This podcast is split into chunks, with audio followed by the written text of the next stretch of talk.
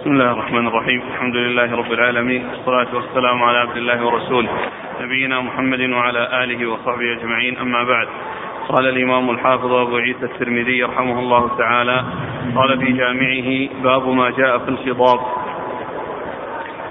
قال حدثنا قتيبة قال حدثنا أبو عوانة عن عمر بن أبي سلمة عن أبيه عن أبي هريرة رضي الله عنه أنه قال قال رسول الله صلى الله عليه وآله وسلم غيروا الشيب ولا تشبهوا باليهود.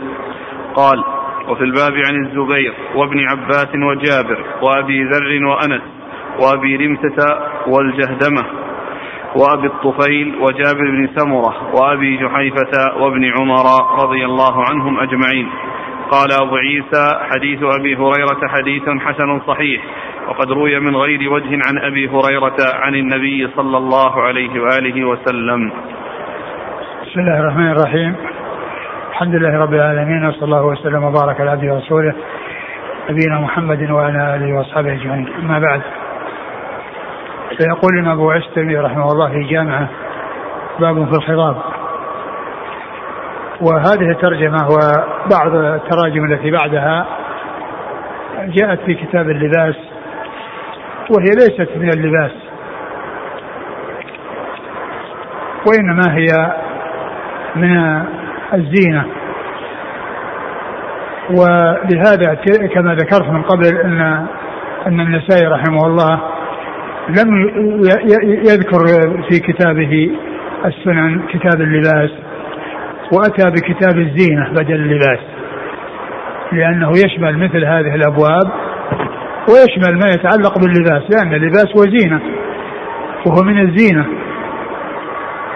ويتزين باللباس. فهذه الترجمة هي من هذا القبيل ليست من اللباس ولكنها تندرج تحت الزينة التي ذكرها النسائي رحمه الله في سننه وترجم به كتاب الزينة بدلا من كتاب اللباس. والمراد بالخضاب تغيير الشيب بغير السواد. وأما السواد فإنه لا يجوز أن يغير الشيب فيه لأنه جاء حديث ينهى عن ذلك عن رسول الله صلى الله عليه وسلم. وحديث أبي هريرة رضي الله عنه الذي أورده المصنف يقول غيروا الشيب ولا تشبهوا باليهود. يعني غيروه بغير السواد. غيروه يعني بغير السواد لأنه جاء استثناء السواد. في بعض الأحاديث عن رسول الله صلى الله عليه وسلم. والحديث يدل على ما ترجمه له المصنف في الخطاب وأن الشيب يغير ولكن بغير السواد لأن السنة جاءت بأن هذا الحديث وإن كان مطلقا بقوله غير الشيب وما ذكر فيه السواد إلا أن السواد مستثنى بالأحاديث الأخرى الثابتة عن رسول الله صلى الله عليه وسلم. والشيب يغير لا سيما إذا كان كله أبيض. فإنه يغير مثل ما جاء في قصة أبي قحافة والد أبي بكر رضي الله عنه جاء رأسه كالثغامة يعني في شدة بياضه. والشيب إذا كان يعني أشمط يعني وفيه اختلاط البياض بالسواد فيمكن أن يؤخر ذلك إلى أن آآ آآ يكون الشعر أبيض وليس بأشمر. وهذا يعني هو الذي جعلني لا أغير شيبي لأنه لا يزال معه أسود. أحببت أنبه الطلاب على هذا حتى لا يقولوا أنني أتكلم بالحديث المتعلق بتغيير الشيب ومع ذلك أنا ما غيرت الشيب نعم. قال حدثنا قتيبة. قتيبة بن سعيد ثقة أخرج له أصحاب الكتب الستة. عن أبي عوانة. عن أبي عوانة الوضاح بن عبد الله اليشكري ثقة أخرج أصحاب الكتب الستة. عن عمر بن أبي سلمة. عمر بن أبي سلمة صدوق. يخطئ أخرج البخاري تعليقا وأصحاب السنن نعم. عن أبي. عن أبي سلمة بن عبد الرحمن بن عوف وهو ثقة أخرجه أصحاب كتب الستة. وهو أحد فقهاء المدينة السبعة. على أحد الأقوال الثلاثة في السابع منهم وحديثه أخرجه أصحاب كتب الستة. عن أبي هريرة رضي الله عنه وهو عبد الرحمن بن صخر الدوسي وهو أكثر الصحابة حديثا. قال في الباب عن الزبير. عن؟ أبي الز... عن عن الزبير. عن الزبير وهو بن العوام أحد العشرة المبشرين بالجنة وحديثه أخرجه أصحاب كتب الستة. وابن عباس. وابن عباس أحد العبادلة وأحد وأحد المكثرين من حديث رسول الله صلى الله عليه وسلم. وجابر. وجابر بن عبد الله رضي الله عنهما وهو كذلك أحد السبعة المكثرين من حديث رسول الله صلى الله عليه وسلم. وأبي ذر. وأبو ذر الغفاري جندب بن جنادة أخرج حديث أصحاب الكتب الستة. و... وأنس. وأنس بن مالك خادم النبي صلى الله عليه وسلم وأحد المكثرين من حديثه. وأبي رمثة وأبي رمثة أخرج له.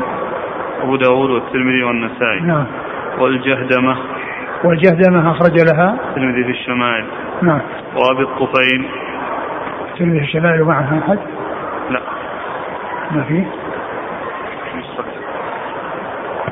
كانت نسخة لا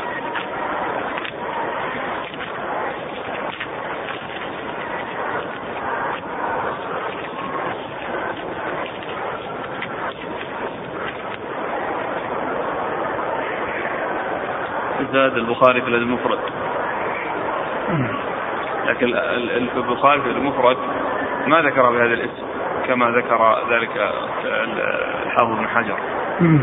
يعني لما ذكر في المبهمات عن امرأة بشير إيه. جاء في الإسناد عنده في البخاري المفرد عن امرأة بشير بن خصاصي إيه يعني ما سماه. ما سماها مم. فلذلك رمز لها هناك ال- الحافظ بخ. وهنا تم. لرمز له ضخما.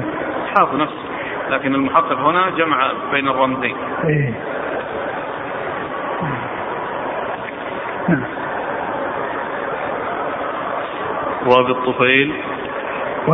وأبي الطفيل. وأبو الطفيل أخرج له اصحاب الكتب الستة. وجابر بن سمرة. جابر بن سمرة أخرج له اصحاب الكتب الستة. وأبي جحيفة. أبو جحيفة وهب بن عبد الله السوائي أخرج له اصحاب الكتب الستة. وابن عمر. وابن عمر رضي الله عنهما أحد العبادله وأحد المكثرين من حديث رسول الله صلى الله عليه وسلم.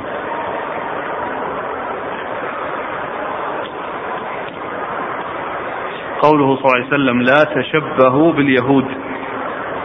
هل فيه دليل على الوجوب؟ بعض العلماء قال بوجوبه وبعضهم قال باستحبابه.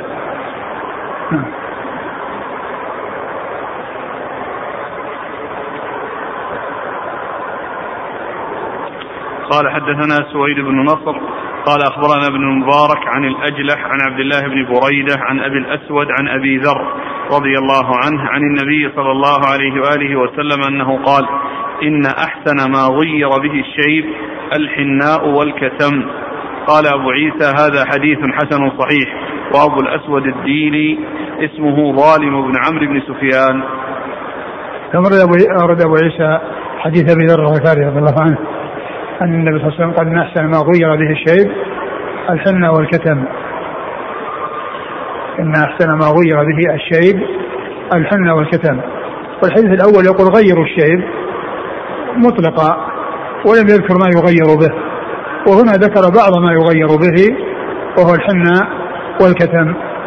والحنة يكون يعني أحمر والكتم يكون يعني بين الأحمر والأسود. يعني لون يعني آه ليس أسود وليس بأحمر ولكنه بينهما. نعم. قال حدثنا سويد بن نصر. سويد بن نصر ثقة أخرجه الترمذي والنسائي. عن ابن المبارك. وابن مبارك ثقة أخرجه أصحاب الكتب الستة. عن الأجلح. والأجلح هو؟ صدوق له البخاري المفرد وأصحاب السنة. نعم. عن عبد الله بن بريدة. عبد الله بن بريدة ثقة أخرجه أصحاب الكتب الستة. عن أبي الأسود. عن أبي الأسود آه، الديلي وهو ثقة أخرج له أصحاب الكتب. أصحاب الكتب. عن أبي ذر. عن أبي ذر رضي الله عنه مر ذكره. يقول السائل إذا كان غالب شعر الرأس على الطبيعة أسود لكن هناك موضع في رأسي كله أبيض فهل يجوز أن أخضب الرأس كله أم المكان هذا فقط؟ لا يغير يغير المكان الذي يحتاج إلى تغيير. والباقي يترك. وهذا يقول لحيتي سوداء وأحب أن أحنيها. يعني يغير لون السواد. السواد يبقى على ما هو عليه لا يغير. يقول أنا فتى شاب وظهر لي الشيب منذ أن كنت صغير. هل لي أن أخضبه؟ وهل كون الفتى يشيب ينسب إلى الخير أو إلى الشر؟ والله لا نعلم. شيء يدل على خير وشر. وهذا ليس من فعله وإنما هو من الله عز وجل ولا يدل على ما يدل على خير ولا شر. ما نعلم شيء يدل على هذا. وش السؤال الثاني؟ يقول إنه يعني صغير وظهر الشيء فيه منذ الصغر فهل له أن يخضبه؟ والله إذا كان صغير جدا يعني ان غيره لا بأس. إن غيره لا بأس لأن ما دام إنه تو صغير فهذا ليس كبر وإنما هو مرض. فإذا غيره لا بأس بذلك وإن تركه فإنه لا شيء عليه. يقول هناك صبغة لونها بني كاتم. إذا صبغت به اللحية تصبح سوداء. بس إذا كان إذا كان الصبغ يعني يصير بها أسود هذا يدخل تحت المنع. في قوله وجنبه السواد.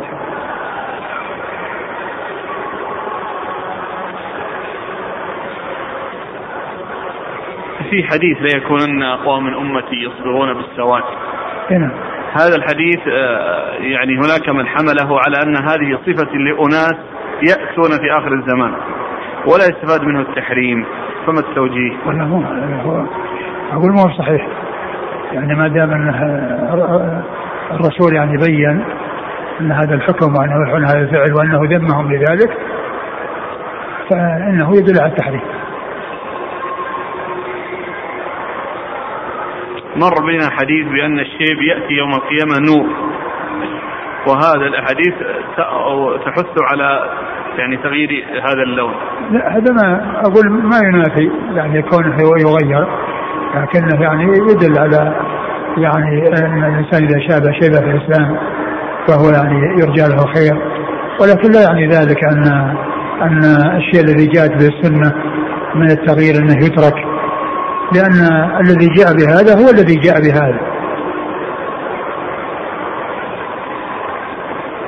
والنور يعني يحصل للإنسان ولو حصل التغيير. لا يقال إن أنه يترك ويخالف ما جاءت به السنة من التغيير. من أجل آه هذا الذي وعد به. فإن الذي وعد به يحصل ولو حصل التغيير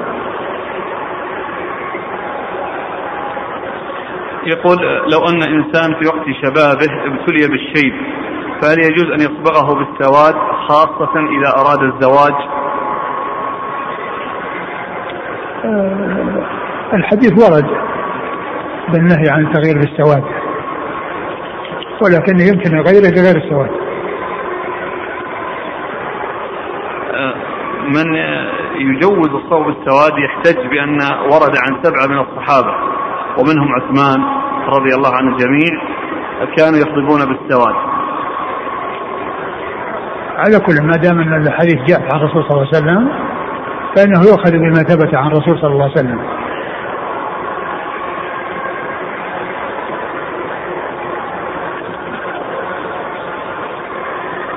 قال رحمه الله تعالى باب ما جاء في الجمة واتخاذ الشعر.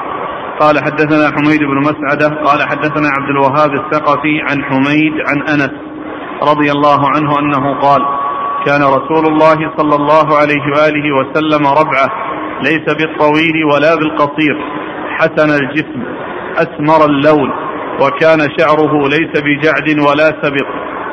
إذا مشى يتوكأ. قال وفي الباب عن عائشة والبراء. يتكفى.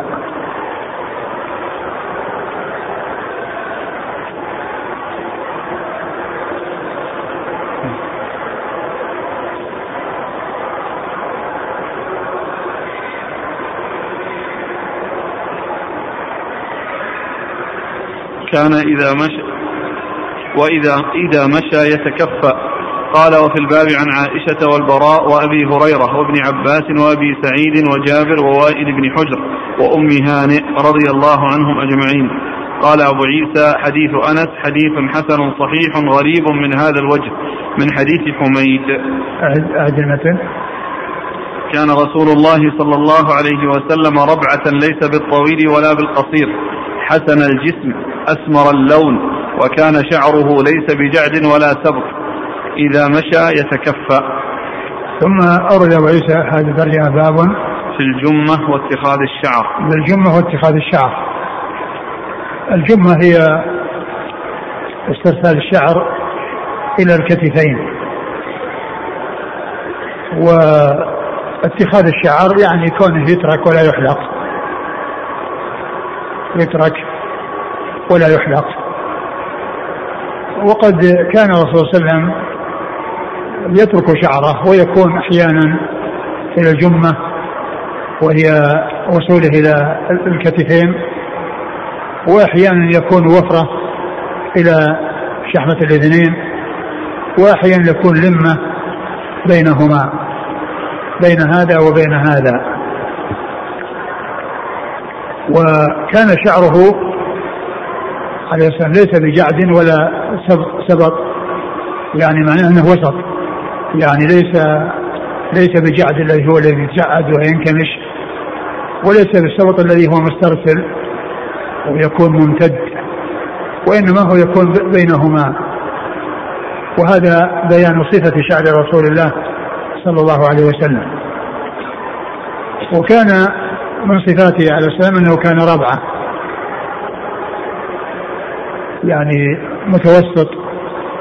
ليس بالطويل البائن ولا بالقصير البائن وإنما هو ربعه بينهما. هذا جسمه صلى الله عليه وسلم وكان أحسن إيش؟ كان ربعة ليس بالطويل ولا بالقصير. حسن الجسم. حسن الجسم يعني وصفه جسمه حسن ولونه أسمر ولونه أسمر اللون. أسمر اللون. يعني المقصود أنه ليس يعني حمرته شديدة. نعم. وإذا إذا مشى يتكفى إذا مشى يتكفى يعني كما فيما جاء في الحديث كأنما ينحدر من صدد يعني آه، أنه آه، ليس بالمتباطئ وليس بمسرع وإنما هو بينهما وكأنما ينحدر من صبب يعني مثل ما إذا انحدر من مكان إلى مكان وهو يعني يرفع رجله يرفع قدمه ويضعها ولا يعني يسحبها على الأرض. نعم. قال حدثنا حميد بن مسعدة. صدوق أخرجه مسلم وأصحاب السنن. عبد الوهاب الثقفي. وهو ثقة أخرجه أصحاب الكتب الستة. عن حميد. عن أنس. نعم. حميد بن أبي حميد الطويل ثقة أخرجه أصحاب الكتب الستة. عن أنس رضي الله عنه خادم النبي صلى الله عليه وسلم واحد السبع المكثرين من حديثه. وهذا الحديث أو هذا الإسناد من الرباعيات وهي من أعلى الأسانيد عند الترمذي رحمه الله. قال وفي الباب عن عائشة. عائشة أم المؤمنين رضي الله عنها وارضاها صديقة بنت الصديق وهي ممن أكثر الرواية عن رسول الله صلى الله عليه وسلم. والبراء. والبراء بن عازب أخرج له أصحابه في الستة. وأبي هريرة وابن عباس وأبي سعيد. أبو سعيد الخدري سعد بن مالك بن سنان أحد المكثرين من حديث رسول الله صلى الله عليه وسلم. ووائل بن وجابر ووائل بن حجر. ووائل بن حجر أخرجه البخاري في جزء القراءة ومسلم وأصحاب السنن. وأم هانئ. وأم هاني بنت أبي طالب أخرج لها أصحاب الكتب الستة. قال حدثنا هناد قال حدثنا عبد الرحمن بن أبي الزناد عن هشام بن عروة عن أبيه عن عائشة رضي الله عنها أنها قالت كنت أغتسل أنا ورسول الله صلى الله عليه وآله وسلم من إناء واحد وكان له شعر فوق الجمة ودون الوفرة. ثم أورد أبو عيسى حديث عائشة رضي الله عنها أنها كانت تغتسل في رسول الله صلى الله عليه وسلم من إناء واحد. وكان له شعر فوق الجمة ودون الوفرة. يعني فوق الجمة أي أنه بين الوفرة والجمة. والوفرة الشعر الذي يصل إلى شحمة الأذنين والجمة الشعر الذي يصل إلى المنكبين. فكان شعره بينهما يعني لا متجاوزا شحمة الأذن ولم يصل إلى الكتف. وهذا يسمى اللمة الذي يكون بين هذا وهذا يقال له لمة. لمة. نعم. قال حدثنا هناد. هناد بن السري أبو السري ثقة أخرجه البخاري في خلق أفعال العباد ومسلم وأصحاب السنن. عن عبد الرحمن بن أبي الزناد. عبد الرحمن بن أبي الزناد صدوق. أخرجه البخاري في تعليقا ومسلم في المقدمة وأصحاب السنن. عن هشام بن عروة. هشام بن عروة ثقة أخرجه أصحاب كتب الستة. عن أبي أبي عروة بن الزبير بن العوام ثقة فقيه أحد فقهاء المدينة السبعة في عصر التابعين أخرجه أصحاب كتب الستة عن عائشة أم المؤمنين رضي الله عنها مر ذكرها قال أبو عيسى هذا حديث حسن صحيح غريب من هذا الوجه وقد روي من غير وجه عن عائشة أنها قالت كنت أغتسل أنا ورسول الله صلى الله عليه وآله وسلم من إناء واحد ولم يذكروا فيه هذا الحرف وكان له شعر فوق الجمة ودون الوفرة. وعبد الرحمن بن أبي الزناد ثقة. كان مالك بن أنس يوثقه ويأمر بالكتابة عنه. نعم. قال رحمه الله تعالى باب ما جاء في النهي عن الترجل إلا غبا. قال حدثنا علي بن خشرم. قال أخبرنا عيسى بن يونس عن هشام عن الحسن عن عبد الله بن مغفل رضي الله عنه أنه قال نهى رسول الله صلى الله عليه وآله وسلم عن الترجل إلا غبا. ثم أبو عيسى هذه الترجمة إلى باب في الترجل. النهي عن الترجل. النهي عن الترجل إلا غبا. يعني إلا يوما بعد يوم. الغب هو اليوم بعد يوم. والترجل هو تسريح الشعر ودهنه. و فلا يهمله الإنسان ولا يشغل الإنسان وإنما يكون بين بين فلا يكون في كل يوم في حيث يعني يكون في ترفه واشتغال الإنسان بنفسه وبشعره وإنما يكون بين هذا وهذا. ف وقد أورد أبو عيسى حديث حديث نهى. عبد الله بن مغفل. نهى مغفل نهى الرسول عن الترجل إلا غبا يعني إلا يوما بعد يوم لأن الغب هو يوم وترك ثم يعود. نعم. قال حدثنا علي بن خشرم. علي بن خشرم ثقة أخرج له. مسلم والترمذي والنسائي. مسلم والترمذي والنسائي وكان معمرا وقال صمت ثمانية وثمانين رمضانا. صمت ثمانية وثمانين رمضانا. نعم. عن عيسى بن يونس عيسى بن يونس ثقة أخرجها أصحاب في الستة عن هشام عن حس عن الحسن هشام هو بن حسان ثقة أخرج أصحاب في الستة والحسن بن أبي الحسن ثقة أخرج أصحاب في الستة. عن عبد الله بن مغفل. عبد الله بن مغفل رضي الله عنه أخرج له أصحاب في الستة.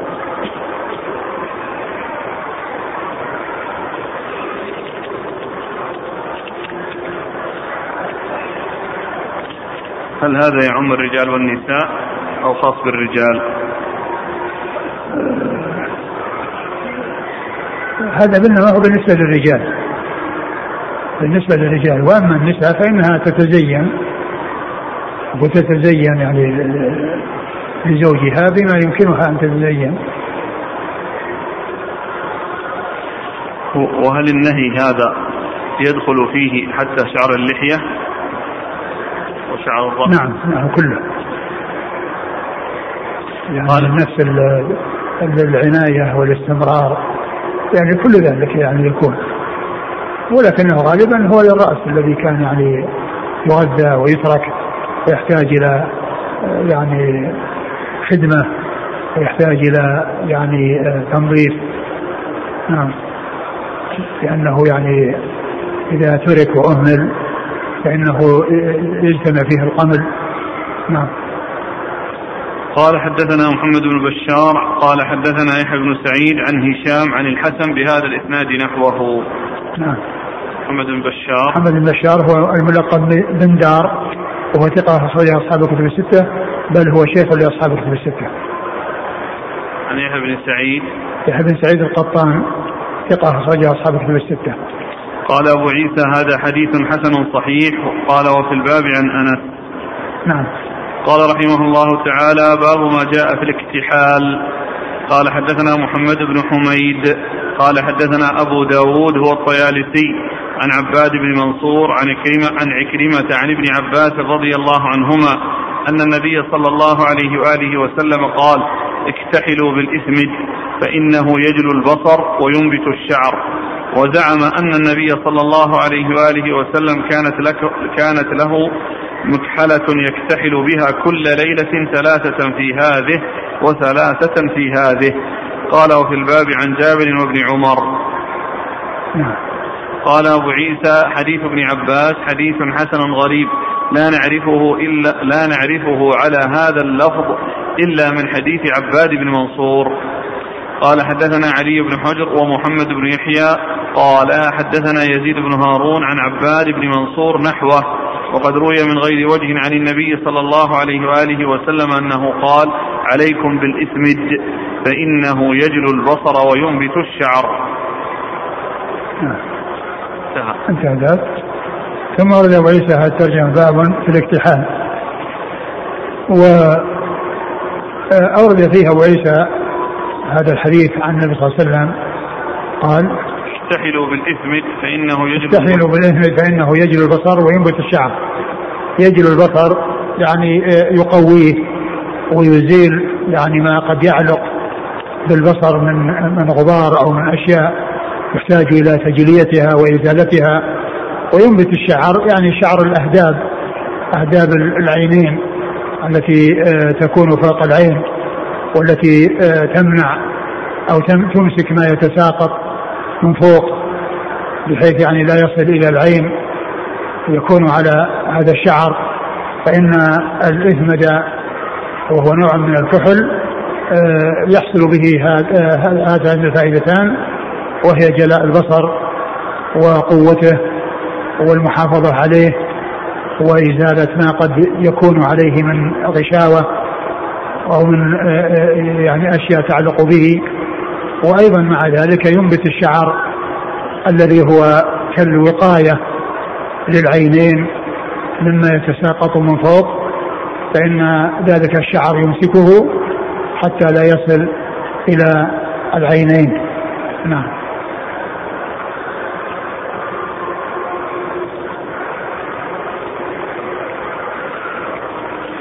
قال الإسناد وزعم النبي صلى الله عليه وسلم كانت له مكحلة يكتحل بها كل ليلة ثلاثة في هذه وثلاثة في هذه. يعني هذه زيادة جاءت يعني في في من هذا الطريق التي فيها عباد.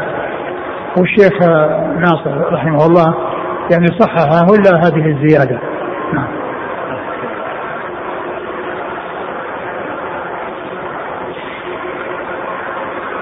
قال حدثنا محمد بن حميد محمد بن حميد ضعيف. أخرج له. أبو داود والترمذي وابن ماجه. نعم. عن أبي داود هو الطيالسي. أبو داود الطيالسي سليمان بن داود ثقة أخرجه البخاري تعليقا ومسلم وأصحاب السنن. عن عباد بن منصور. وهو؟ صدوق البخاري تعليقا وأصحاب السنن. نعم. عن عكرمة. عكرمة هو ابن عباس ثقة أخرجه أصحابه في الستة. عن ابن عباس. نعم. طيب. قال وفي الباب عن جابر وابن عمر. نعم. ثم قال حدثنا علي بن حجر علي بن حجر بن إياس السعدي ثقة أخرجه البخاري ومسلم والترمذي والنسائي. ومحمد بن يحيى محمد بن يحيى الدهلي ثقة أخرجه البخاري وأصحاب السنن. عن يزيد بن هارون يزيد بن هارون الواسطي ثقة أخرجه أصحاب الكتب الستة. يقول السائل هل الاكتحال سنة ويكون قبل النوم؟ الاكتحال كما هو معلوم هو يعني آه هو دواء ويعني فيه فائدة للعين ويعني والرسول صلى الله عليه وسلم كان يفعله وأرشد إلى فعله لما فيه من هذه الفوائد. ولا شك أن هذه أمور مطلوبة. نعم. ويكون عند النوم. نعم يعني حتى لا يكون في النهار ويكون فيه تجمل وتزين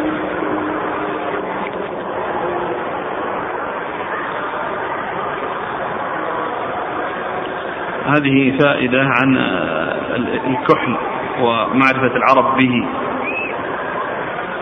نقرأ. نعم. يقول آه، يقول الدكتور محمود النسيمي وهو طبيب معاصر في كتاب الله الطب النبوي والعلم الحديث. يقول عرف العرب والبشر منذ القديم استعمال كحل الزينة للعين ليعطيها والوجه جمالا وليخفف عنها أشعة الشمس فتزيد الرؤيا وضوحا وجلاء. ولذا كثر استعماله حتى عند الرجال في البلاد الحارة ذات الشمس الساطعة. معظم ذات الشمس الساطعة معظم أيام السنة والصحاري الواسعة كما في شبه الجزيرة العربية وخاصة أهل البادية والرعاة. وفي العاملين في حراثة الأرض وزراعتها تحت أشعة الشمس القوية. ولقد فضل رسول الله صلى الله عليه وسلم كحل الإثمد على غيره من أكحال الزينة الخالية منه وذلك لأن الإثمد يقوي بصيلات أهداب العين.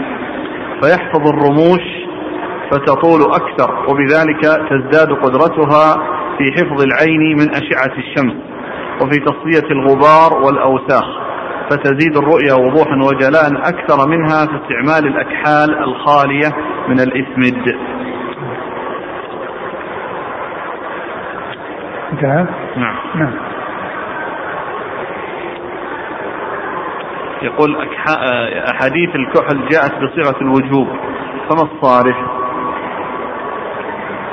معلوم أن هذا يعني من الأشياء التي آه آه، تستعمل يعني في في آه، في الأمور التي آه، هي آداب وما إلى ذلك وهذه الغالب عليها أن تكون من قبيل الاستحباب لا من قبيل الوجوب. قال رحمه الله تعالى باب ما جاء في النهي عن اشتمال الصماء والاحتباء في الثوب الواحد. قال حدثنا قتيبة قال حدثنا يعقوب بن عبد الرحمن الإسكندراني عن سهيل بن أبي صالح عن أبيه. عن أبي هريرة رضي الله عنه أن النبي صلى الله عليه وآله وسلم نهى عن لبستين الصماء وأن يحتبي الرجل بثوبه ليس على فرجه منه شيء. قال أبو عيسى وفي الباب عن علي وابن عمر وعائشة وأبي سعيد وجابر وأبي أمامة. قال وحديث أبي هريرة حسن صحيح غريب من هذا الوجه وقد روي هذا من غير وجه عن أبي هريرة. ثم ورد ابو عيسى هذه الترجمة باب في اشتمال الصماء. النهي عن اشتمال الصماء. النهي عن اشتمال الصماء. والاحتباء في الثوب الواحد. والاحتباء في الثوب الواحد. الصماء هو أن يكون الإنسان يلتحف يعني يكون جالسا فيلتحف في ثوب واحد وتكون يداه من داخله ولا يبقى إلا رأسه والباقي قد أحيط بهذا الثوب. الثوب المقصود به قطعة من القماش ليس المقصود به القميص فإنه قطعة من القماش يقال لها ثوب. فيلتحف بها وتكون يديه من الداخل فيكون مثل الصخرة الصماء التي ليس لها منافذ. و المضرة المضرة في هذا أن الإنسان لو حصل له أمر يعني عارض يستدعي, يستدعي سرعة يعني قيامه أو حركته فإنه تنكشف يعني ذلك الذي آه الذي أحاط به فقد تبدو عورته وتظهر عورته. فلهذا نهى رسول الله صلى الله عليه وسلم عن هذه اللبسة.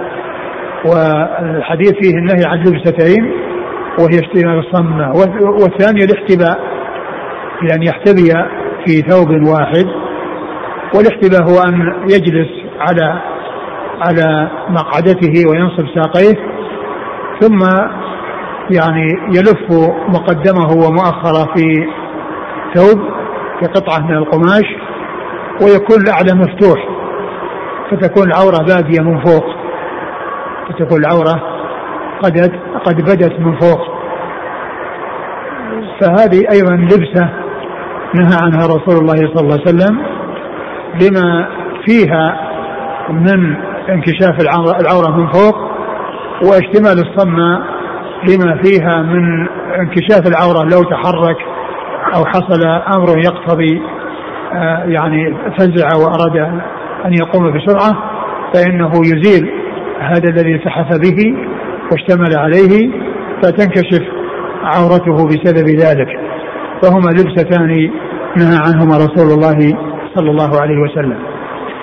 وأما كان إذا كان الاحتباء يعني آه، عليه ثوب آخر عليه قميص وأراد أن يحتبي بأن يلف عليه شيئا بحيث أنه يعني يمكنه من الجلوس يعني مدة أطول ويعني بسبب هذا الاحتباء فإن ذلك ليس بمنهي عنه لأن المنهي عنه أن يحتبي بثوب واحد وتكون يعني آه، عورته بادية من فوق لأنه ليس عليه إلا هو.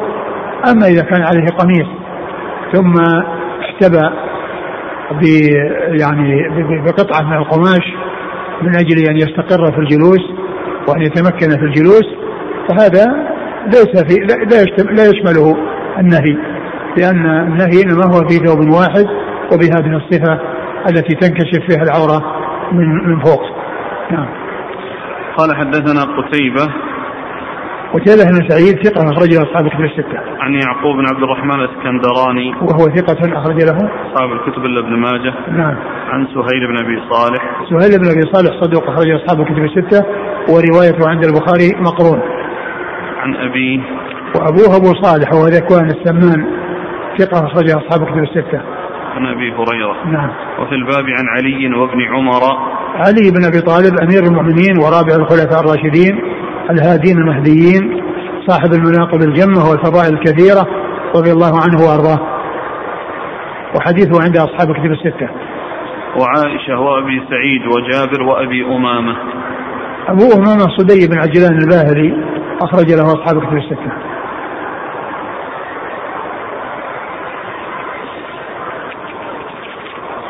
قال رحمه الله تعالى باب ما جاء في مواصلة الشعر قال حدثنا سويد بن نصر قال أخبرنا عبد الله بن المبارك عن عبيد الله بن عمر عن نافع عن ابن عمر رضي الله عنهما أن النبي صلى الله عليه وآله وسلم قال لعن الله الواصلة والمستوصلة والواشمة والمستوشمة قال نافع الوشم في اللثة قال أبو عيسى هذا حديث حسن صحيح.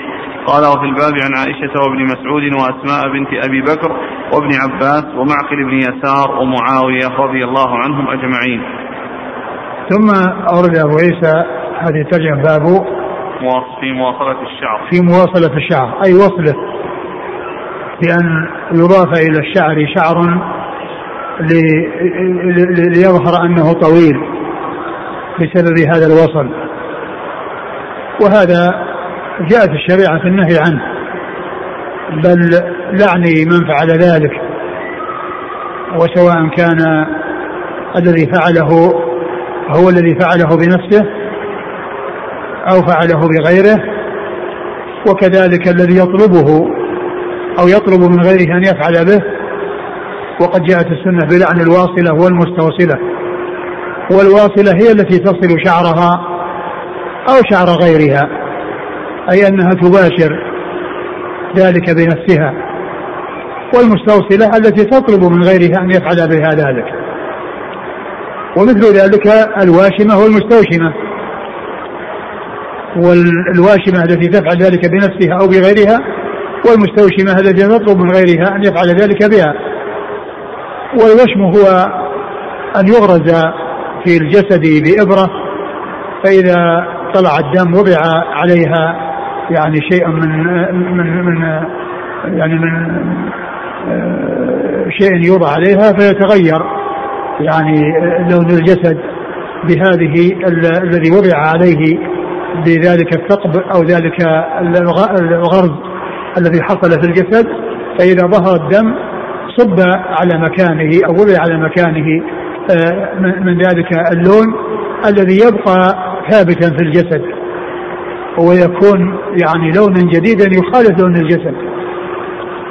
فكل ذلك نهى عن الرسول صلى الله عليه وسلم. لعن الله الواصل والمستوصل والواشمة والمستوشمة. قال نافع. الوشم في اللثة الوشم في اللثة يعني هذا بعض. ويكون باللثة يعني وهي الشفة ويعني وهو يكون في الوجه ويكون أيضا حتى في اليدين وحتى في الرجلين وكل ذلك لا يجوز لأنه داخل تحت الوشم وليس الوشم مخصوص خصوصا بالوجه ولكن الوجه لكونه هو البارز الذي تقع به المواجهة ويعني هو أول ما ينظر ينظر إليه وإلا فإنه يكون في اليدين ويكون في الرجلين. قال حدثنا سويد بن نصر عن عبد الله بن مبارك. نعم مر ذكرهما عن عبيد الله بن عمر. عبيد الله بن عمر العمري ثقة أخرج له أصحاب كتب الستة. عن نافع عن ابن عمر. نافع مولى بن عمر ثقة أخرج أصحاب كتب الستة عن ابن عمر رضي الله عنهما وقد مر ذكره. قال وفي الباب عن عائشة وابن مسعود. ابن مسعود عبد الله بن مسعود الهذلي رضي الله عنه أخرج له أصحاب كتب الستة. وأسماء بنت أبي بكر. وأسماء بنت أبي بكر رضي الله عنها أخرج لها أصحاب كتب الستة. وابن عباس ومعقل بن يسار. معقل بن يسار أخرج له أصحاب كتب الستة. ومعاوية. ومعاوية بن أبي سفيان رضي الله عنه أخرج له أصحاب كتب الستة.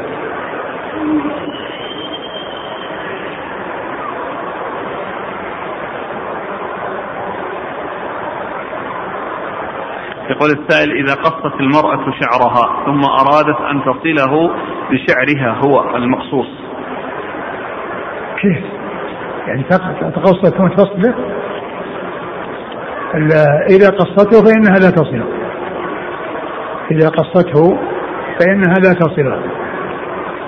وإذا وإذا أرادت الإبقاء عليه ولا شك أنه زينتها وجمالها هو زينتها وجمالها فإنها تبقي شعرها ولا تقصه. وإن قصته فإنها يعني هي التي آه، أساءت إلى نفسها ولا ولا تصل ولا تصل آه، آه، الشعر لأن هذا يعتبر وصل. لعن الله الواصلة والواصل مستوشم كذلك الرجل مثل أقول مثل مثل المرض حكم واحد. يعني الذي يعمل الوشم في نفسه كالمرأة. وكذلك الذي يصل شعره أيضا كذلك مثل المرأة. ذكر يعني اللعنة للنساء في اللفظ بكثرته عندهن؟ نعم لأن آه، أحيانا يأتي ذكر آه، الأمر مضافا إلى النساء لغلبته عليهن. وهذا مثل النائحة لعن الله النائحة. لأن الرجال كذلك إذا ناحوا مثل النساء لكن لكون النياحة يعني هي الغالب على النساء. والرسول صلى الله عليه وسلم كان كما جاء في حديث معطية كان يأخذ علينا البيعة ألا ننوح. وما كان يأخذ على الرجال ألا ينوحوا. لأن النوح على النساء من صفات النساء والغالب على النساء. وكذلك يعني جاء الحالقة والصالقة والشاقة. لعن الله الصادقة والحالقة والشاقة. الحالقة لتحلق شعرها عند المصيبة والشاقة تشق ثوبها عند المصيبة والسالقة ترفع صوتها عند المصيبة وكذلك الرجال إذا فعلوا هذا. لكنه ضيف إلى النساء لأن الغالب الجزع وعدم الصبر يكون يعني في حقهن وكذلك أيضا الوصل الشعر يعني الغالب أن التجمل يعني يكون منهن. نعم.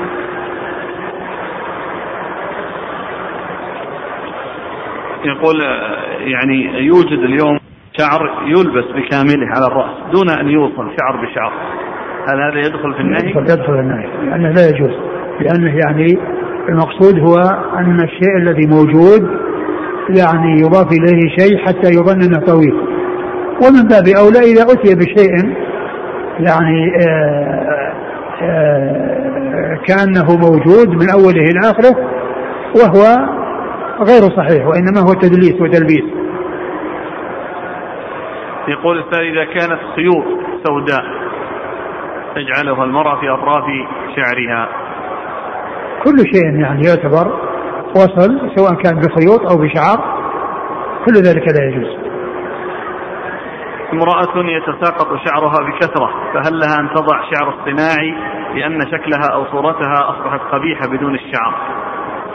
ليس لها أن تضع شعر صناعي وترضى بما قدر الله لها من تاب وعلم ومن تاب وكان عليه وشم فكيف يفعل؟ إذا كان يمكن إزالته بدون مضرة يفعل وإذا كان يترتب على إزالته مضرة فإنه يعني يستغفر الله عز وجل مما مضى إن كان هو الفاعل وإن كان الذي فعله غيره به كأبويه أو يعني وهو صغير وغير مكلف فإنه معذور ولا شيء عليه.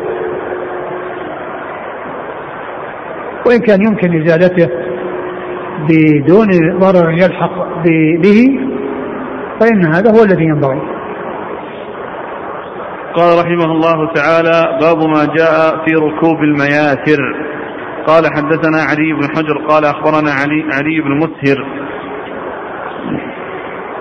قال حدثنا أبو إسحاق الشيباني عن أشعث بن أبي الشعثاء عن معاوية بن سويد بن مقرن عن البراء بن عازب رضي الله عنه أنه قال نهانا رسول الله صلى الله عليه وآله وسلم عن ركوب المياثر. قال وفي الحديث قصة. قال وفي الباب عن علي ومعاوية رضي الله عنهما. وحديث البراء حديث حسن صحيح. وقد روى شعبة عن أشعث بن أبي الشعثاء نحوه. وفي الحديث قصة. ثم ورد أبو عيسى آه، باب النهي. باب ما جاء في ركوب المياثر. باب ما جاء في ركوب المياثر. والمياثر هي أوطية يعني توضع على الرحل يعني تكون يعني من من من, من الديباج يعني ومن الحرير. تتخذه النساء للرجال من أجل إذا جلسوا يكون جلوسهم على شيء لين. ليس فيه خشونة بركوبهم على الخيل أو على الإبل ويكون آه ويكون آه يعني من الديباج من الحرير فإنه لا يجوز. وأما إذا كان الوطاء يعني من شيء لا محذور فيه ولا مانع ويجلس عليه الراكب فوق السرج أو فوق الركاب فوق الرحل فإنه لا بأس بذلك وإنما المحذور أن يكون فيه شيء ممنوع يعني كالحرير أو الديباج. نعم. عن البراء بن عازب قال نهانا رسول الله صلى الله عليه وسلم عن ركوب المياتر نعم. قال في نعم المياتر التي هي أوطية على الرحل أو السرج. نعم.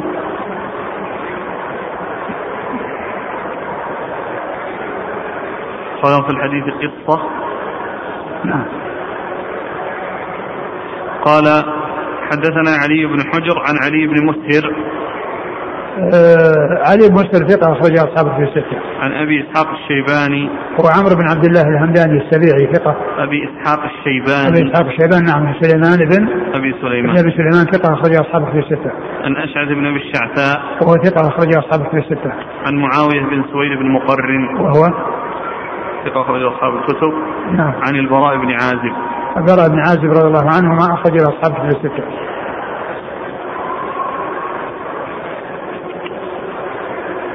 قال رحمه الله تعالى باب ما جاء في فراش النبي صلى الله عليه وآله وسلم.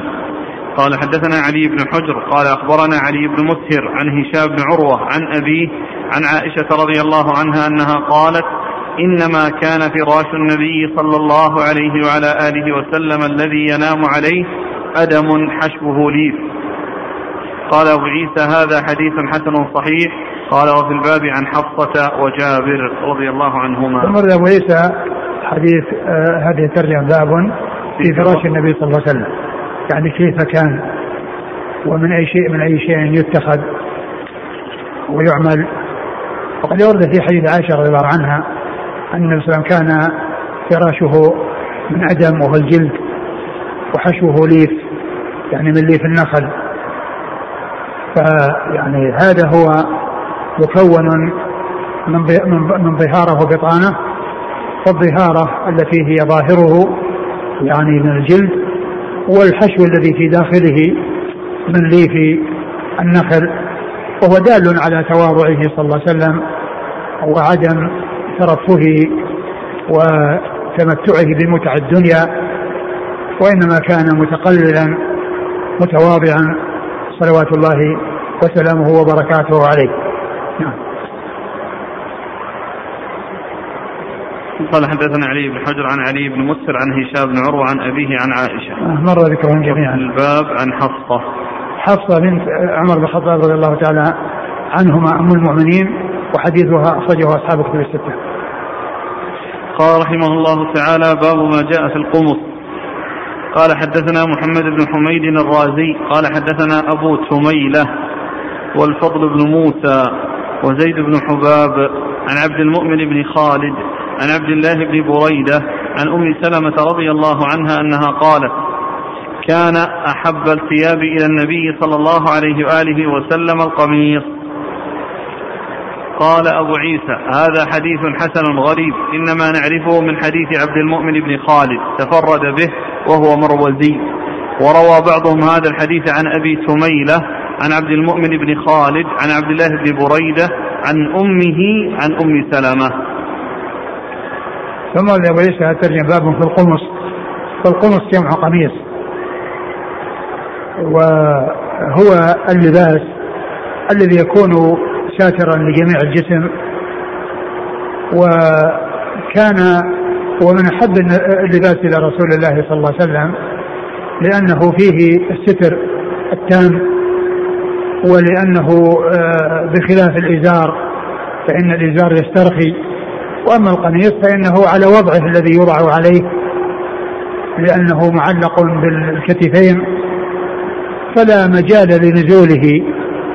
كما يحصل النزول بالنسبة للإزار. وقد أورد أبو عيسى هذا الحديث قال كان أحب الثياب إلى النبي صلى الله عليه وسلم القميص. كان أحب الثياب إلى النبي صلى الله عليه وسلم القميص لكمال ستره ولأنه آه، كما ذكرت آه، لا يحصل به الاسترخاء الذي يحصل بالإزار. نعم.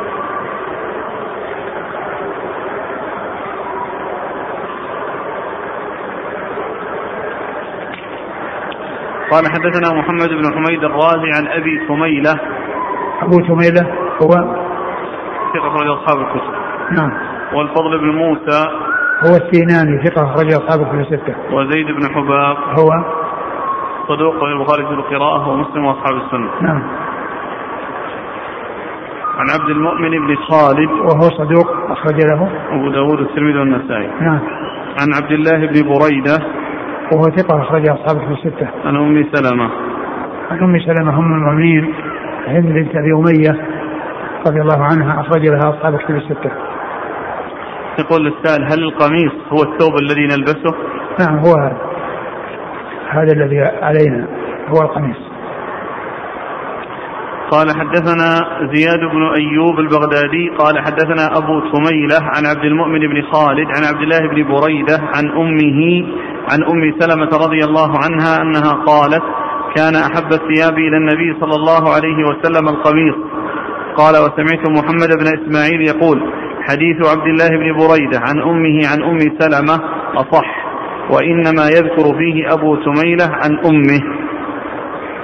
نعم ثم ورد أبو عيسى الحديث من طريق أخرى. والإسناد قال حدثنا زياد بن أيوب البغدادي. زياد بن أيوب البغدادي ثقة أخرج له. قال أبو داود الترمذي والنسائي. نعم. عن أبي تميلة عن عبد المؤمن بن خالد عن عبد الله بن بريدة عن أمه. أمه لا أمه لا يعرف حالها أخرج لها.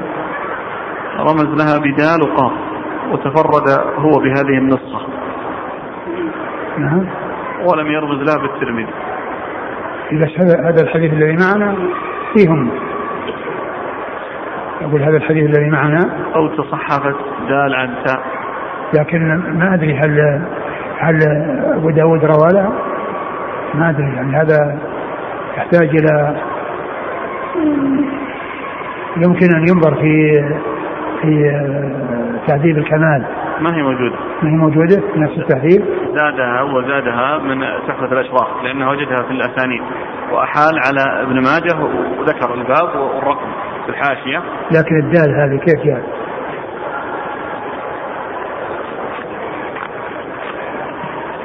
يعني معناها إذا كان رواه أبو داود وابن ماجه فأيضا رواه الترمذي. هذا الإسناد الذي معنا هو هي من رواة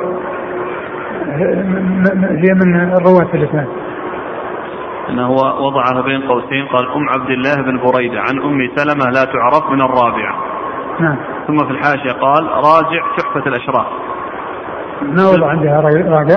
تحفة الأشراف؟ لا ما وضع عندها رمز إلا دال وقاف. دال وقاف. هذا أي كتاب؟ هو أبو الأشبال. قال ولم يذكر المزي حديث قاف. ابن ماجه. وهو عنده في اللباس. إيه. وعند الترمذي أيضا في اللباس. وعند الترمذي الذي معنا هذا في اللباس. ثم أحد سنن ابن ماجه الجزء الثاني 1183 حديث 3500 ما حل إلا ما ذكر ما ذكر أبو داود؟ لا. على كل هو بالنسبة للترمذي يعني آه، هذا الإسناد يعني فيه أنها من الرواة فيه من الرواة في السنن سنن الترمذي.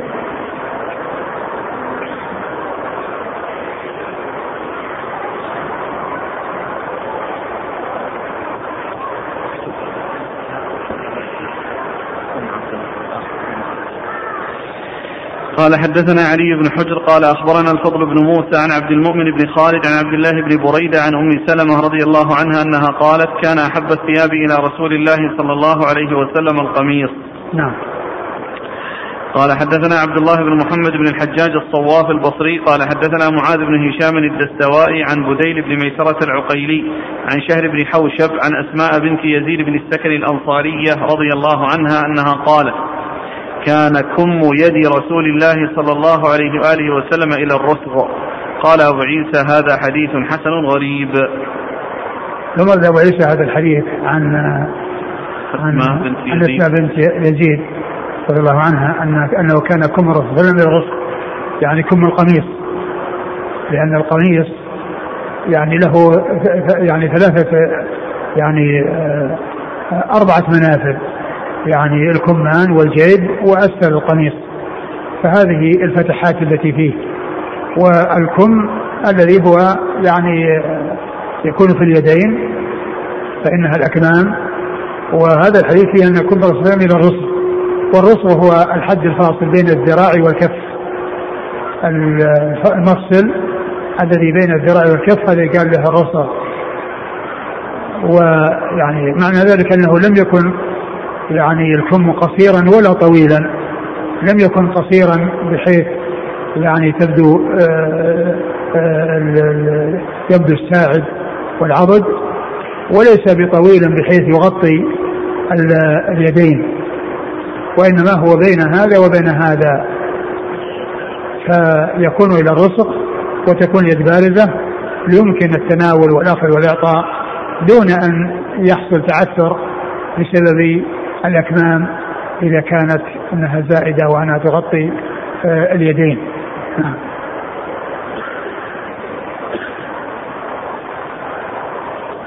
الإسناد شو؟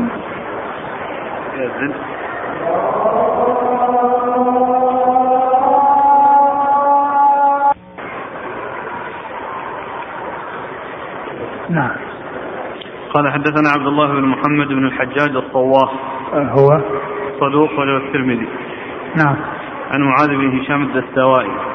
وهو ثقة أخرج أصحابه في الستة. صدوق ربما صدوق نعم أخرج أصحابه في الستة. هنا في سقط أصلح من النسخ.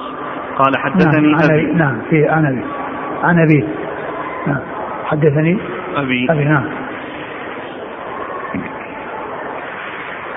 هشام. أبو هشام الدستوائي ثقة أخرج أصحابه في الستة. عن بديل بن ميسر العقيلي. وهو ثقة. أخرجه البخاري. مسلم وأصحاب السنة. مسلم وأصحاب السنة. عن شهر بن حوشب. وهو صدوق. كثير الإرسال والأوهام. نعم. أخرج البخاري في المفرد ومسلم وأصحاب السنة. نعم. عن أسماء بنت يزيد بن السكن. أخرج لها أصحاب في الستة الحديث. الحديث ضعف الشيخ ناصر. ما أدري لعله من جهة شهر بن حوشب. لأنه جاءت أسئلة. إذا نزل الكم عن الرسل. هل يقال هذا أنه من الإسبال وفيه نهي؟ ما أدري أظن فيه ورد آثار أو أحاديث يعني ذكرها الشارع يعني حول زيادة على هذا ما أدري عن ثبوتها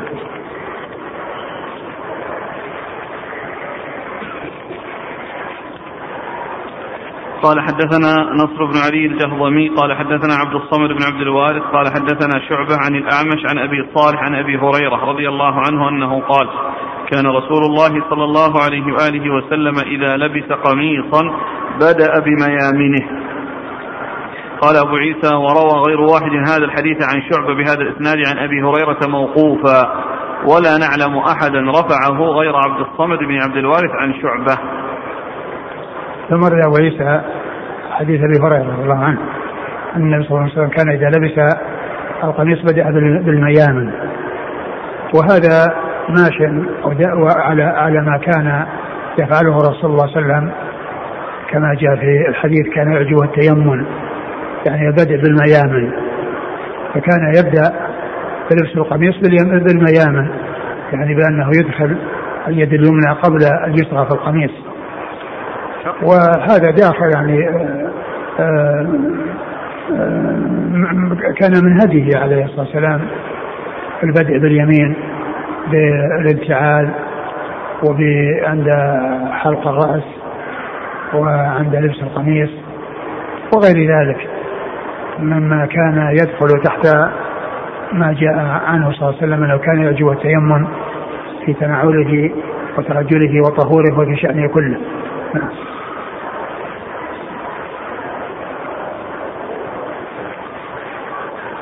عندنا خطأ فيه ناقص ساقط علي لأن حدثنا نصر بن علي الجهضمي. تصويب من نعم. النسختين هو هو علي بن نصر يعني آه آه ذكر في تحفة الأشراف قال علي بن نصر وفي نسخة نصر بن علي. ونصر بن علي هو أبو أبو علي بن نصر لأن علي بن نصر من الطبقة الحادية عشرة. وأبوه نصر بن علي من الطبقة العاشرة وكل منهما روى له الترمذي. ونصر بن علي هو الذي يأتي ذكره كثيرا في أسانيد الترمذي لأن الكثير هو مرور إتيان نصر بن علي. ولعل ذكر نصر بن علي لكونه هو الجادة التي كان يعني معروف عن الترمذي. لكنه هنا علي بن نصر. وعلي بن نصر ابن علي ابن نصر بن علي. يعني خمسة أسماء وعلي هذا حفيد يعني آه، حفيد آه، آه، علي بن نصر بن علي يروي عنه حفيده نصر بن علي علي بن نصر بن علي عن ابن ابن نصر بن علي خمس كلمات تبدأ بعلي وتنتهي بعلي. علي بن نصر بن علي بن نصر بن علي. هكذا تناسل. وتكرر الأسماء. يعني كل واحد يسمي على باسم أبيه. ولكن الذي معنا في الإسناد هو علي بن نصر. والذي ياتي كثيرا هو أبوه نصر بن علي عند الترمذي. وعلي بن نصر هو؟ أخرجه مسلم وأبو والترمذي والنسائي. وأما أبوه أخرج أصحاب الكتب الستة. الذي يأتي ذكره كثيرا عندنا فيما مضى. أخرج له أصحاب الكتب نصر بن علي الذي هو ولد علي. وعلي هذا من الطبقة الحادية عشرة وأبوه نصر بن علي من الطبقة العاشرة. نعم. عن عبد الصمد بن عبد الوارث. عبد الصمد بن عبد الوارث آه، صدوق أخرج أصحاب الكتب الستة. عن شعبة. عن شعبة بن الحجاج الواسطي ثم البصري هو ثقة أخرج أصحاب الكتب الستة. عن الأعمش. الأعمش هو سليمان بن مهران الكاهلي ثقة أخرج أصحاب الكتب الستة. عن أبي صالح عن أبي هريرة. نعم مر ذكرهما. قال ولا نعلم أحدا رفعه غير عبد الصمد بن عبد الوارث عن شعبة. نعم.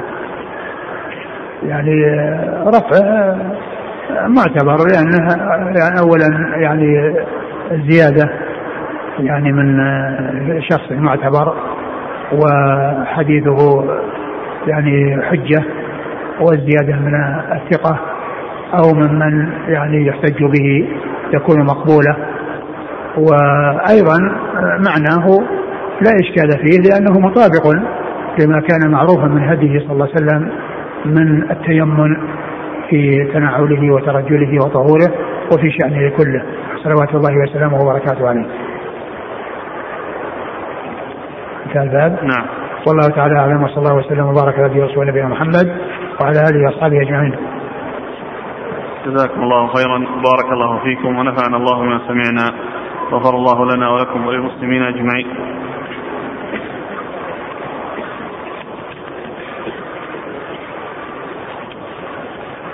يقول السائل بعض القبائل عندنا في أفريقيا تسم أبناءها إذا ولدوا في وجوههم فهل هذا يدخل في الوشم؟ لا الوسم أسوأ من الوشم يعني سبق أن مر بنا الحديث أن أنه لا يجوز الوسم بالوجه ولا الضرب بالوجه والوسم إنما يكون للبهائم ما يكون للإنسان. والضرب لا يجوز لا في الإنسان ولا في الحيوان في الوجه.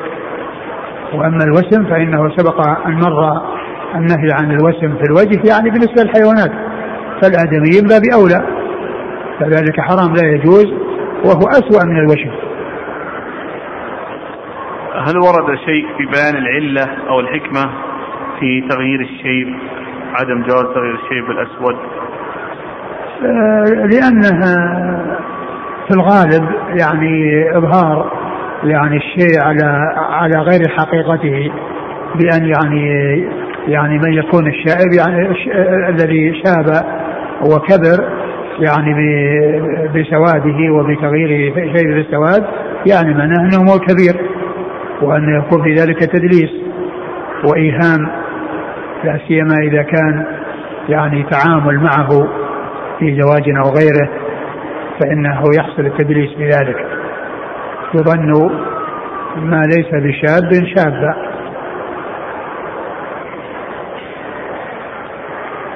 في مر معنا أن النبي صلى الله عليه وسلم كان أسمر اللون وأحاديث أخرى أنه أبيض مشرب بحمرة.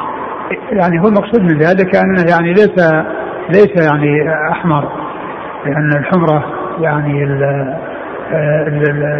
المستقلة التي ليست مشربة يعني صفة ذميمة. ولهذا صفات الأوروبيين هذا الشكل هو هذا هذا يعني هذه أشكالهم.